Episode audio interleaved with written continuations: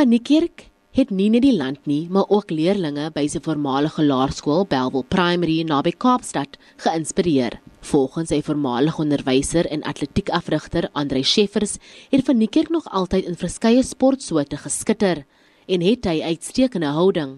Weereens Wade was net fenomenaal. Deursettingsvermoë gehad, nooit opgegee nie, altyd sy beste gegee of dit nou oefening is of dit 'n wedloop was. Wade was altyd aan die voorpunt. Van Nikki se prestasies het die atletiek-wêreld geskok, maar dit het ook die jeug geïnspireer.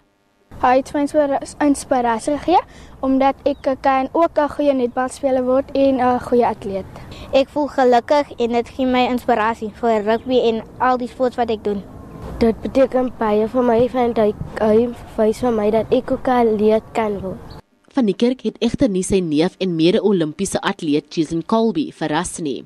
He just believed in himself. He also told us that he's, try, he's aiming to run a 42 and, and to smash a record. So I think he, he's, he believed in himself and he achieved what they wanted to achieve. But I think there's still a lot more for him.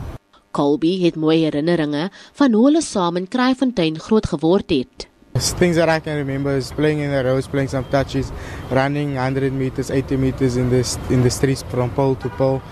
Die neefs het hulle familie en die land trots gemaak deur te wys wat 'n krag sport in die samelewing kan wees. Sport can bring a nation together and just seeing that Wade won gold, broke a record, I think I can just bring everybody much closer. Van die kerk het die land geïnspireer, maar mense het die gevoel dat die beste nog voor lê.